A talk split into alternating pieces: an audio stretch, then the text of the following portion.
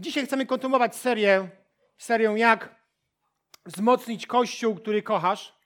I dzisiaj będzie, będę mówił o kulturze wolności od zniewoleń. Gdy czytam Nowy Testament, to zauważam otwartość Pana Jezusa, a później Kościoła na ludzi zniewolonych i uzależnionych. Taki też, taki też obraz Kościoła jest najbliższy, bo jeśli mam być z Wami szczery, to powiem, że osobiście uwielbiam pomagać ludziom w osiąganiu wolności. Jako były człowiek uzależniony od alkoholu, nikotyny i jeszcze kilku różnych innych rzeczy, wiem, że w Chrystusie jest ratunek. Dlatego bardzo to dla mnie ważne jest, aby pomagać takim ludziom spotkać się z Chrystusem, ponieważ On ma moc od tych uzależnień, zniewoleń tych ludzi wyratować. 8 kwietnia minie 19 lat, gdy Bóg zabrał mi wszystkie te wspomniane wyżej zniewolenia i uzależnienia. Przez ten okres nie miałem żadnego upadku, nawrotu, powrotu. Przez 19 lat nie było niczego, co mógłbym powiedzieć, że zmarnowałem świadectwo swojego życia. A więc przekonałem się, czy jestem na to dowodem, że spotkanie z Bogiem, z żywym Bogiem, działającym w mocy, przynosi wolność do naszego życia. Dlatego mocno leży mi na sercu, aby pomagać ludziom wzrastać duchowo, po to, również po to, aby mogli żyć w duchowej wolności. Dlatego chcę, aby nasz Kościół był otwarty na ludzi zniewolonych i uzależnionych i ludzi z różnymi problemami. Chcę, aby nasz Kościół był otwarty na takich ludzi, którzy zmagają się z różnego rodzaju grzechami i problemami. Drzwi Kościoła dla takich ludzi będą zawsze szeroko otwarte, ponieważ chcemy tych ludzi łączyć z Jezusem. Chcemy tych ludzi tutaj mi, witać, Chcemy, aby się dobrze czuli, ponieważ chcemy doprowadzić ich do relacji z Jezusem, który, która to relacja uwolni ich od wszelkich problemów. Jako Kościół chcemy uczyć ludzi, również tych zniewolonych i, i uzależnionych, co znaczy ufać Bogu, wierzyć w ludzi i przynosić zmiany. A więc również kulturą naszego Kościoła jest otwartość na wszystkich ludzi, również o tych, również na tych, o których dzisiaj mówię. Ponieważ chcemy tych ludzi prowadzić w kierunku wolności. Chcemy pokazywać im, że ta wolność jest możliwa. Pragniemy, aby ludzie, ci ludzie przychodzili do naszego kościoła uzależnieni, a wychodzili jako już nieuzależnieni. Amen? Pragniemy, aby ci ludzie przychodzili jako ludzie zniewoleni, a wychodzili jako wolni. Bo to jest sednem Ewangelii. Dlatego będziemy często powtarzać, czy często będziemy mówić, na czym polega życie w wolności. Będziemy to często akcentować przy różnych okazjach, ponieważ to jest jednym z najważniejszych rzeczy do tego, aby ludzie mogli chodzić w wolności. Będziemy łączyć ich z Jezusem i wspierać ich w walce. Przekonywać do tego, aby zostawili swoje uzależnienia, oraz pomagać im to zniewolenie, zniewolenie pokonywać. Chciałbym również, aby każdy z nas żył w duchowej wolności, w całkowitej wolności od zniewoleń. Chciałbym, abyśmy byli przykładami, dowodami na to, że Jezus Chrystus uwalnia raz na zawsze. Że On, gdy uwalnia, to przynosi wolność do całego naszego życia, na całe nasze życie. Chciałbym, abyśmy byli tego dowodami, przykładami, że gdy spotka się z Jezusem Chrystusem, to każde zniewolenie musi ustąpić. Dlatego przy różnych okazjach będziemy poruszać elementy procesu, procesu, którego, którego sam doświadczyłem i którego ciągle stosuję, który jest pomocny do tego, abym żył w wolności. Proces ten składa się z pięciu etapów. I pierwszy z nich nazywa się świadomość. Chrystus wyzwolił nas, abyśmy w tej wolności żyli. Stójcie więc niezachwianie i nie poddawajcie się znowu pod jarzmo niewoli. Czytamy w pierwszym wersecie piątego rozdziału listu do Galacjan. Myślę, że wielu ludzi, również ludzi wierzących w Boga, nie docenia głębi tej wolności, za którą Jezus umierał na krzyżu. Oczywiście rozumiemy, że ta wolność polega na tym, że gdy spotkamy się z Jezusem Chrystusem, oddamy Mu Jego życie, oddamy Mu swoje życie, to On uwalnia nas od piekła. My to rozumiemy. Ale to jest tylko jedna płaszczyzna wolności. Bo również Jezus umierał na krzyżu za mnie i za ciebie po to, abyśmy codziennie odnosili zwycięstwa. Z grzechami, z niewoleniami i uzależnieniami. Piekło to jedna kwestia, a to, jak żyjesz na co dzień, to inna kwestia. Tego bardzo ważne jest to, abyśmy mieli tego świadomość, co się stało na krzyżu i co ta wolność ma w naszym życiu e, przynosić. Przecież w chrześcijaństwie właśnie o to chodzi, abyśmy codziennie, spotykając się z różnymi problemami i rzeczami, abyśmy codziennie umieli pokonywać te rzeczy, abyśmy chodzili w wolności, którą Jezus nam wykupił. On oddawał życie po to, aby nikt z nas nie był niewolnikiem czegoś tam grzechu, zniewolenia, uzależnienia. On oddał swoje życie po to, abyśmy mogli w tej wolności żyć, abyśmy każdego dnia swoim przykładem pokazywali, na czym ta wolność polega. Więc Chrystus oferuje każdemu z nas wolność od duchowego i osobistego rozdarcia, wolność od grzechu i od destru destrukcyjnego wpływu zniewolenia. A więc pytanie brzmi: czy przyjąłeś od Niego już tą wolność? Czy żyjesz zwycięsko w wolności Chrystusa? Czy żyję w Bożej wolności od zniewoleń? Bo Chrystus wyzwolił mnie, abym żył w tej wolności. Czy tożsamość ambasadora Chrystusa ma potwierdzenie w moich zachowaniach?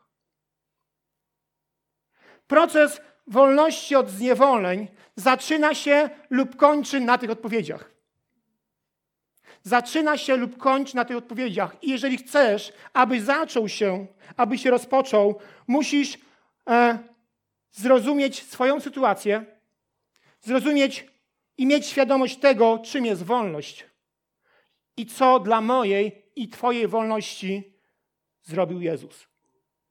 A więc ten proces, po pierwsze, zaczyna się od świadomości. Po drugie, drugi etap nazywa się podejmij decyzję. Pierwszy list do Koryntian 6:12 mówi w ten sposób: Wszystko mi wolno, ale nie wszystko jest pożyteczne. Wszystko mi wolno, lecz ja nie dam się niczym zniewolić. Biblia określa trzy cele ziemskiej służby Jezusa. Po pierwsze, On przyszedł po to, aby pokazać nam Ojca. Amen? Aby przybliżyć nas do Ojca, aby odszukać to, co zginęło. O tym mówi e, Ewangelia Łukasza, 19 rozdział. Oraz aby zniweczyć dzieła diabelskie. Pierwszy list Jana, trzeci rozdział, ósmy werset. Myślę, że wszyscy z nas potrafimy rozpoznać dzieła diabła.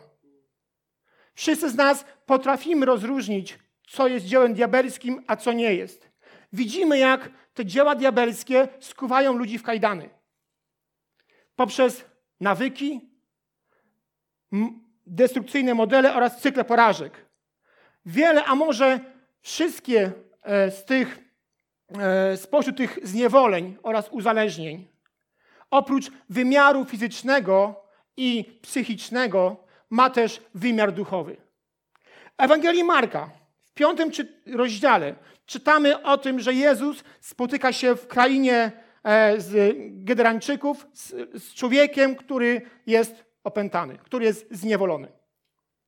I czytamy o tym człowieku w ten sposób, że był bardzo groźny, że ludzie się go bali, że był tak groźny, że aż skuwano go w łańcuchy, ale on miał taką moc, że to, te łańcuchy rozrywał. A więc widzimy problemy fizyczne. Po drugie, czytamy o nim, że mieszkał na cmentarzach, na cmentarzu, przepraszam. Więc widzimy, że z jego mentalem też, nie, też jest słabo. Bo kto z normalnych ludzi mieszka na cmentarzu? A więc fizycznie, e, psychicznie nie jest z nim najlepiej. Ale gdy Jezus się z nim spotyka i uwalnia jego ducha, wszystko inne się zmienia. Widzimy w tym człowieku, że jego problemem była sfera duchowa, nie fizyczna, nie emocjonalna. Czytamy na końcu tej, tej, tej historii o tym, że gdy Jezus uwalnia go, to ten człowiek siedzi ubrany i o zdrowych zmysłach. Gdy Bóg, gdy Jezus zajął się jego duchem, wszystkie inne problemy odeszły.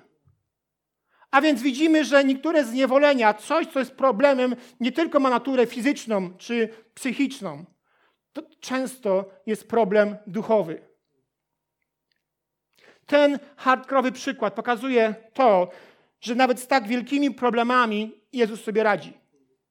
Więc jeżeli poradził sobie z takim wyzwaniem, to czy gdy podejmiesz decyzję i poprosisz go o pomoc, to czy nie będzie gotowy tobie pomóc? Czy nie pomoże ci w tym, abyś żyć w wolności? Niezależnie od tego, jak trudne jest Twoje życie, jak wielki jest problem, z którym się zmagamy, jest wspaniała wiadomość. Bowiem, gdy podejmujesz decyzję, aby poprosić Boga o pomoc, przestajesz być bezsilną ofiarą zamkniętą w więzieniu. Gdy podejmujesz decyzję i prosisz Boga o pomoc, stajesz się osobą, która może wyjść z więzienia. Tak było w moim życiu. Jak widzicie, 19 lat, jestem wolnym człowiekiem. Była decyzja, ale decyzja sama w sobie nie ma mocy. To, że poprosiłem Boga o pomoc, to przyniosło moc. Do tego, aby się z tą, z tą decyzją móc dalej zabrać. Wszystko mi wolno, ale nie wszystko jest pożyteczne. Wszystko mi wolno, lecz nie dam się niczym zniewolić, a więc podejmuję decyzję, że od tej pory nie daje się niczemu zniewolić i proszę Cię Boże o to, abyś pomógł mi w tej decyzji wytrwać. O takie postawienie sprawy chodzi. Zbyt często, zbyt często o czymś decydujemy, ale nie ma w tym Bożej mocy, aby ta decyzja była trwała. Przykład, jak wielu ludzi decyduje z okazji Sylwestra Nowego Roku, że coś od Nowego Roku zrobi. Jak wiele powstaje postanowień noworocznych, prawda? Są jakieś decyzje, że na pewno zrobię to i tamto. Większość, tam, wiecie, wiem o tym sami, większość z tego nigdy nie wchodzi w życie. Albo kończy się już na dniu 6 stycznia. Więc to nie decyzja ma moc, ale to, że Bóg pomaga ci tą decyzję sprawować. Twoja droga do wolności kroczy od świadomości do decyzji, która powiązana jest z tym, w co zdecydujesz się uwierzyć, co zdecydujesz się wyznać, wybaczyć, ogłosić i porzucić.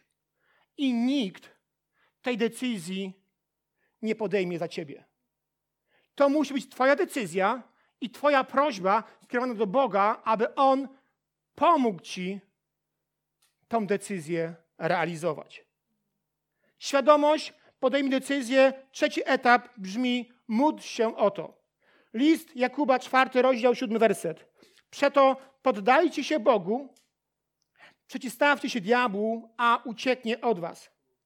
Niedawno podczas jednego z kazań dzieliłem się historią zapisaną w 30 rozdziale pierwszej księgi Samuela, w której to historii czytaliśmy o tym, że Dawid wyrusza na wojnę. I gdy wraca z powrotem do swojego miasta, w którym mieszkał, miasta o nazwie Syklak, z oddali zauważa, że e, jego nad, nad miastem jest, jest dym, miasto płonie. Amalekici napadli na to miasto, porwali wszystkie osoby, uprowadzili zwierzęta, to miasto po prostu było opustoszałe. I w tej historii czytamy o tym, że żołnierze chcą nawet Dawida zabić, ponieważ winią go za tę sytuację. On sam jest zdruzgotany, ponieważ uprowadzili jego rodzinę, jego najbliższych. I w tej historii czytamy również o tym, że w pewnym momencie Dawid odchodzi na bok po to, by spotkać się z Bogiem. Po to, by z nim porozmawiać. I gdy spotyka się z Bogiem, podejmuje decyzję, aby wyruszyć po swoje skradzione dobra, które ostatecznie wszystkie odzyskuje. Wszystko, wszystkie odzyskuje. W tej historii dla mnie jest pewien bardzo ważny element. To, że najpierw spotkał się z Bogiem, a później podjął decyzję. Najpierw spotkał się z Bogiem, aby Bóg powiedział mu, czy on z nim wyruszy w tą podróż, a dopiero później wyruszył.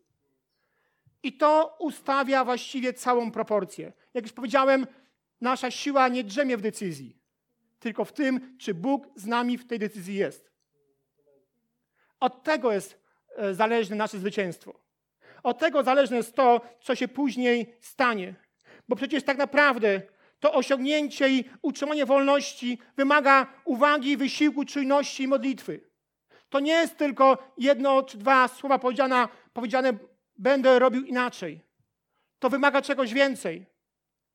I nigdy nawet najlepsza decyzja, nawet dobra decyzja nie przynosi nam wolności.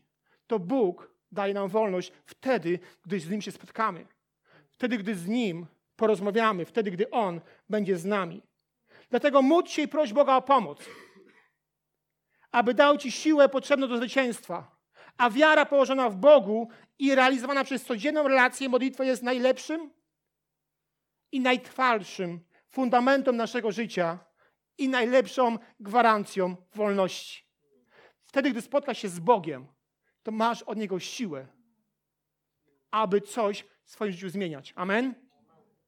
Czwarty etap nazywam unikaj zagrożeń. List do Efezjan, piąty rozdział, piętnasty werset. Zwracajcie uwagę na własne postępowanie, nie zachowujcie się jak niemądrzy. Żyjcie raczej jak ludzie mądrzy. Przeważająca część upadków ludzi już uwolnionych wynika z nierozwagi lub głupoty. Znam wiele takich przypadków, w których uwolnieni ludzie upadali, ponieważ nie byli mądrzy. Aby utrzymać to, co od Boga dostaliśmy, aby utrzymać Boże namaszczenie, aby utrzymać Bożą wolność, musi być mądry w swoich postępowaniach. I wtedy najbardziej potrzebujesz, aby swe życie prowadzić o dzieło Ducha Świętego i Jego mądrość. Jak powiedziałem, wiem, znam wiele przypadków, nie będę o tym mówił, ale wiele przypadków ludzie wyłożyli się, ponieważ byli głupi. Ponieważ wchodzili do miejsca, z którego, do którego nie powinni wchodzić. Wchodzili do miejsc, z którymi mieli jakieś problemy i myśleli sobie, że w krótkim czasie podołają temu, temu e, że tam wejdą. Popłynęli, ponieważ byli nierozsądni. Dlatego bądźmy rozważni i zwracajmy uwagę na nasze postępowanie, na to, czy ono jest właściwe i czy ono nie doprowadzi nas lub kogoś innego do źródła problemów. Ktoś powiedział, to jest ciekawa myśl, grzech przyciąga diabła, jak gnijące śmieci przyciągają muchy. Pozbądź się śmieci, a muchy odlecą do bardziej cuchnących miejsc. Jeszcze raz to powtórzę, bo to nie jest moje. Grzech przyciąga diabła, jak gnijące śmieci przyciągają muchy. Pozbądź się śmieci, a muchy odlecą do bardziej cuchnących miejsc. Zatem bądź rozważny w tym, co robisz, co oglądasz, czego słuchasz. Bo gnijące śmieci przyciągają muchy, a niewłaściwe postępowanie problemy. Pamiętajmy, że wszystko nam wolno, ale nie wszystko jest pożyteczne. Wszystko mi wolno, lecz ja nie dam się niczym zniewolić. Ponadto, ponadto Biblia mówi, że jesteśmy królewskim kapłaństwem, ludem wybranym, Bożym dzieckiem. A więc czy Twoje zachowanie mówi o tej Bożej tożsamości? Czy Twoje zachowanie tą tożsamość potwierdza? Unikaj zagrożeń, bo to jest bardzo potrzebne w tym, aby żyć w wolności. Ostatni etap tego procesu nazwałem przezwyciężaj pokusy. List do Galacjan, piąty rozdział i pierwszy werset. Chrystus przyniósł nam wolność. Stójcie więc niezachwianie i nie schylajcie się znów pod jarzmo niewoli. musimy być tego świadomi, że nawet wtedy, gdy już jesteś, gdy już odnajdujesz wolność w Chrystusie, to i tak ciągle będziesz atakowany. Biblia w pierwszym liście Piotra 5:8 mówi, że przeciwnik nasz diabeł chodzi wokół, wokół jak lew ryczący, szukając kogo by pochłonąć. A więc to mówi nam o tym, że on chodzi po to, aby na czymś cię złapać, aby do czegoś cię przekonać, abyś po raz kolejny mógł upaść, abyś po raz kolejny w coś wszedł, aby po raz kolejny był niewolnikiem tego, co on zamierza. Więc myślę, że pomocne przy zwyciężaniu pokus mogą być następujące działania. Po pierwsze, módl się codziennie, bowiem modlitwa demonstruje życie w zaufaniu i poleganiu na Boga, poleganiu na Bogu. Po drugie, czytaj i rozważaj Biblię codziennie. Zapamiętuj kluczowe wersety. Trzecie, bądź zaangażowany w kochający, troskliwy Kościół, gdzie może być otwarty i szczery wobec innych i gdzie prawda Boża jest głoszona z łaską. Coś wam powiem o łasce. Często to jest temat bardzo poruszany. Ale też chciałbym, abyśmy dobrze rozumieli. Biblia mówi bardzo dużo o zachowaniu Jezusa. I tak z głowy powiem wam o dwóch sytuacjach, w którym, które mówią nam coś o Bożej łasce. Pierwsza sytuacja to spotkanie Jezusa z Marią Magdaleną. Druga to spotkanie Jezusa z Samarytanką przy studni. Obie sytuacje mówią o tym, że najpierw Pan Jezus skonfrontował, a później okazał łaskę. Najpierw powiedział Marii Magdalenie, co robi źle. Najpierw powiedział Samarytance o tym, że miała pięciu mężów, a nie ma nikogo i żyje z kimś innym. Najpierw skonfrontował, a później okazał łaskę. To jest prawidłowe w Bożym Królestwie. Nie łaska, później konfrontacja, bo to nie ma sensu. Bo albo łaska, albo konfrontacja.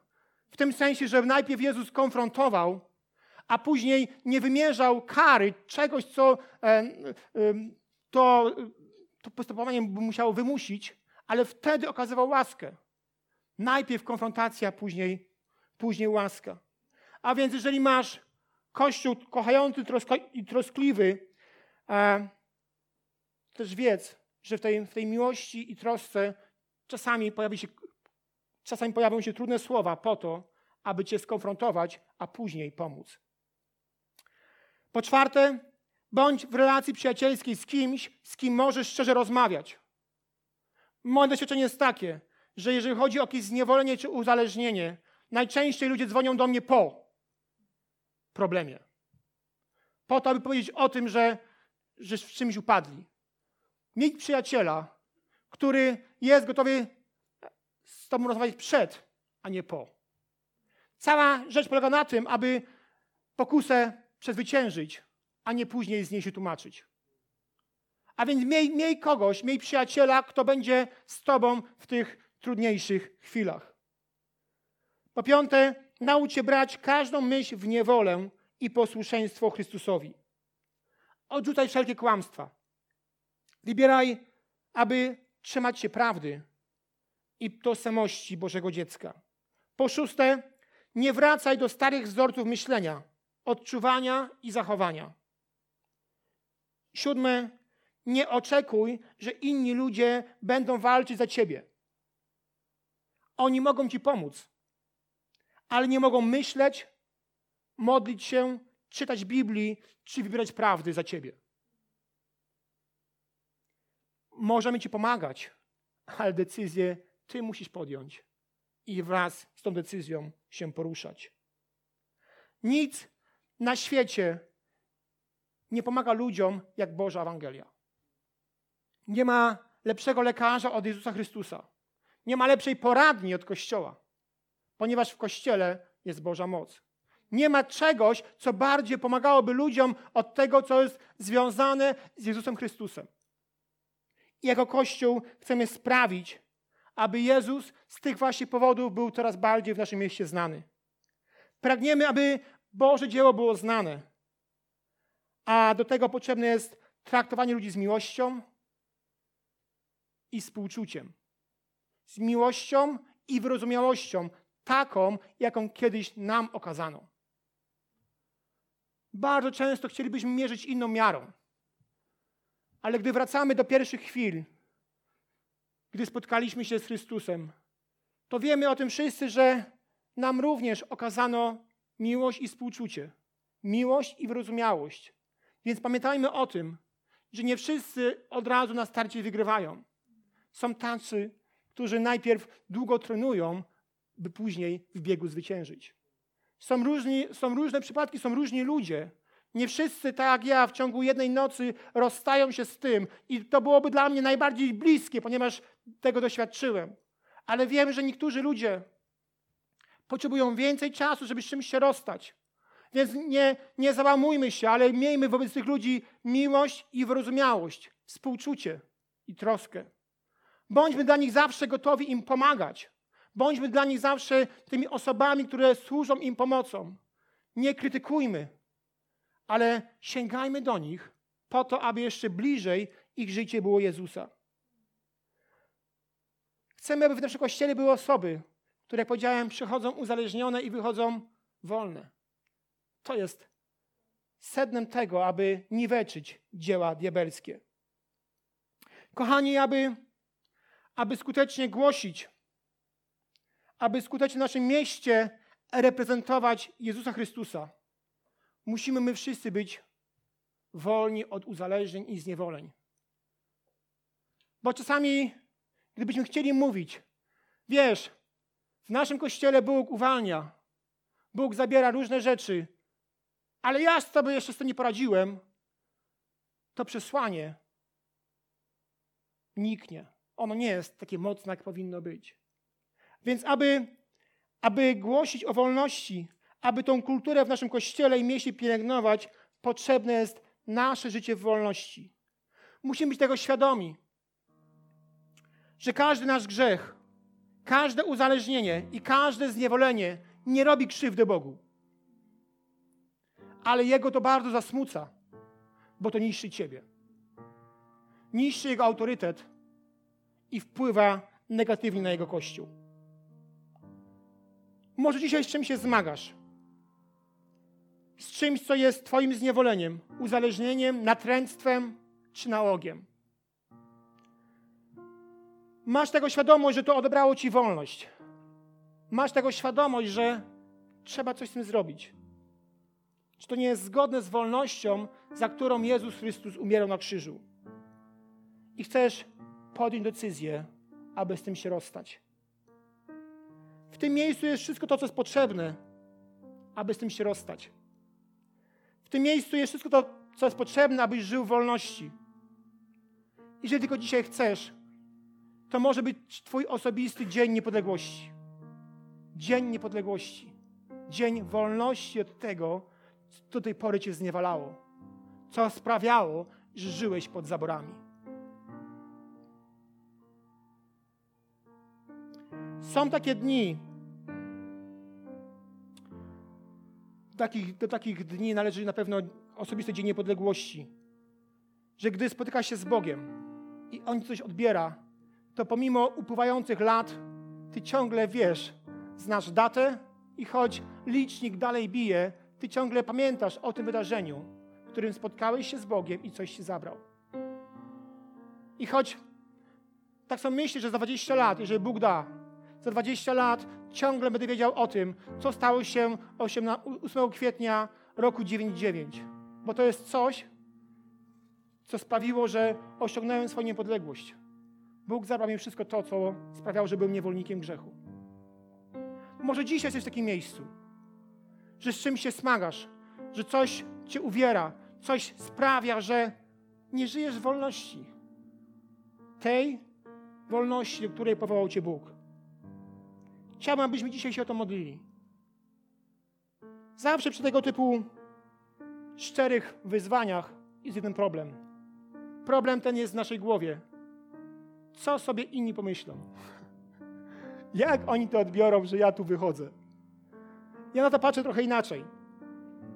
W związku z tym, że czytaliśmy, że Biblia mówi, że diabeł chodzi jak lew ryczący wokoło, aby nas posiąść, nie wiem, różne są w tym miejscu słowa, to myślę sobie o to w ten sposób, że czasami po prostu jesteśmy mało czujni. Czasami jesteśmy może zbyt mało, zbyt, zbyt, e, zbyt słabi. I diabeł przychodzi i każdego czy stara się nas zwieść. Czasami mu się udaje. Czasami, nam, czasami mu się udaje i jesteśmy w coś wplątani. Więc to nie jest Twoja osobista porażka, że czasami coś dzieje się tak e, niezgodnym z tym, co byś chciał. Tylko to świadczy o tym, co, coś z tym zrobić. Trzeba się z tym pożegnać. Trzeba zrobić wszystko, aby więcej diabeł nie miał dostępu do Twojego życia. Z racji, z racji mojej przeszłości od wielu lat interesuję się tym tematem. Niesamowicie dodajemy diabłu przystęp. Poprzez jakieś zniewolenie, jakiś nauk, niesamowicie on to wykorzystuje. Odwodzi nas od powołania, od tego, kim może być w Bogu. To jest naprawdę jak wrzut na tyłku, który ciągle, ciągle mówi o tym, który ciągle uderza w Twoją tożsamość, który ciągle mówi o tym, że jesteś do niczego, który ciągle mówi o tym, że jesteś za słaby, aby żyć w pełni Bożej mocy. To jest ciągle i ciągle przypominanie o tym. Czasami trzeba tego, tego wrzoda wycisnąć. Trzeba się go pozbyć. Po to, aby żyć w całkowitej wolności. Przez wiele lat zauważam, jak wielu ludzi, wielu wierzących ludzi jest w coś wkręconych. Diabeł im mówi o tym, że nie musi tego zrobić, że to nie jest potrzebne, żebyś to zostawiał. Ale to jest każdy nauk, każde zniewolenie jest pewną twierdzą diabła w Twoim życiu. Jest czymś, co nie pozwala Ci żyć całkowitej wolności. Może dzisiaj jesteś taką osobą, która dostrzega coś, co powinien zmienić. Chciałbyśmy teraz wstali i spotkali się z Panem Bogiem. Wiem, że to są hardkorowe rzeczy. A to jest tak z migdałkami. Możesz przez pół życia walczyć z bólem gardła, tylko dlatego, że masz chore migdałki i boisz się ich usunąć. A może warto było je usunąć po to, żeby gardło więcej nie bolało. Czasami są takie momenty, które są dla nas bolesne, wstydliwe, ale pomyśl o swojej przyszłości. Pomyśl o to, o tym, jak wielu ludzi zrobiłoby wszystko, aby żyć w wolności, aby żyć w tym, co ich zniewala. A więc, jeżeli dzisiaj masz ochotę i odwagę, aby zmierzyć się z tym, co jest Twoją słabością, to chcę się z Tobą modlić. Chcę, abyśmy razem powiedzieli: Panie Boże, ogłaszamy wolność. Ogłaszamy wolność od tego, co tego człowieka zniewala. Ale po pierwsze, miej tego świadomość. Że nie ma świadomości, że to jest złe, nie wychodź. Musisz mieć świadomość tego, że to jest złe. Później podejmij decyzję, a później będziemy się o to modlić. Więc jeżeli ktoś z Was chciałby dzisiaj, ma świadomość, ma odwagę, aby podjąć decyzję i chce się o to modlić, zapraszam. Przez chwilę poczekamy. Jeżeli nie, zakończymy tą modlitwę, e, to spotkanie modlitwą. Więc daję Wam troszeczkę czasu. Spotkaj się z Bogiem. Zrób wszystko, aby On do Ciebie przemawiał. I spytaj się Jego, czy, czy jest jakiś problem, powód, z którym dzisiaj powinieneś się rozstać. Jeżeli tak, zapraszam.